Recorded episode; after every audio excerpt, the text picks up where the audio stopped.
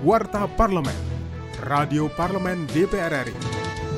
Dari Gedung DPR Senayan, Jakarta.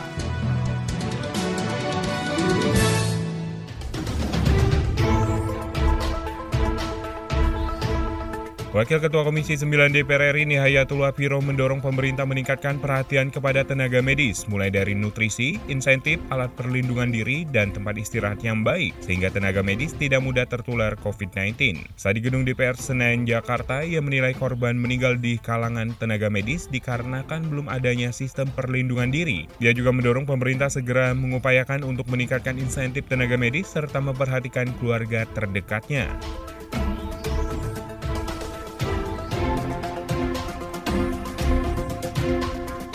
Satgas lawan COVID-19 DPR RI melakukan koordinasi dengan organisasi keagamaan salah satunya pimpinan pusat Muhammadiyah dalam rangka penerapan tatanan hidup baru atau new normal. Usai melakukan diskusi dengan pimpinan pusat Muhammadiyah di kantor PP Muhammadiyah Jakarta baru-baru ini, Wakil Ketua DPR RI Sumidas Ahmad yang juga koordinator Satgas lawan COVID-19 DPR RI mengatakan, Satgas melakukan koordinasi dengan berbagai organisasi keagamaan untuk melakukan diskusi dalam pelaksanaan pelonggaran PSBB.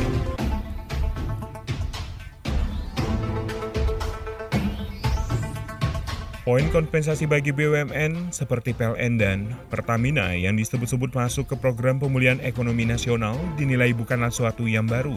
Hal tersebut dikemukakan oleh anggota Komisi 11 DPR RI Ramson Siagian dalam wawancara secara virtual. Ia menilai seharusnya pemerintah tidak mengganti istilah subsidi energi menjadi kompensasi, mengingat hal tersebut akan menimbulkan kebingungan di publik. Ia juga mengapresiasi langkah Kementerian Keuangan yang mengklarifikasi bahwa kompensasi tidak termasuk ke dalam program pemulihan energi nasional yang akan segera ditetapkan pemerintah.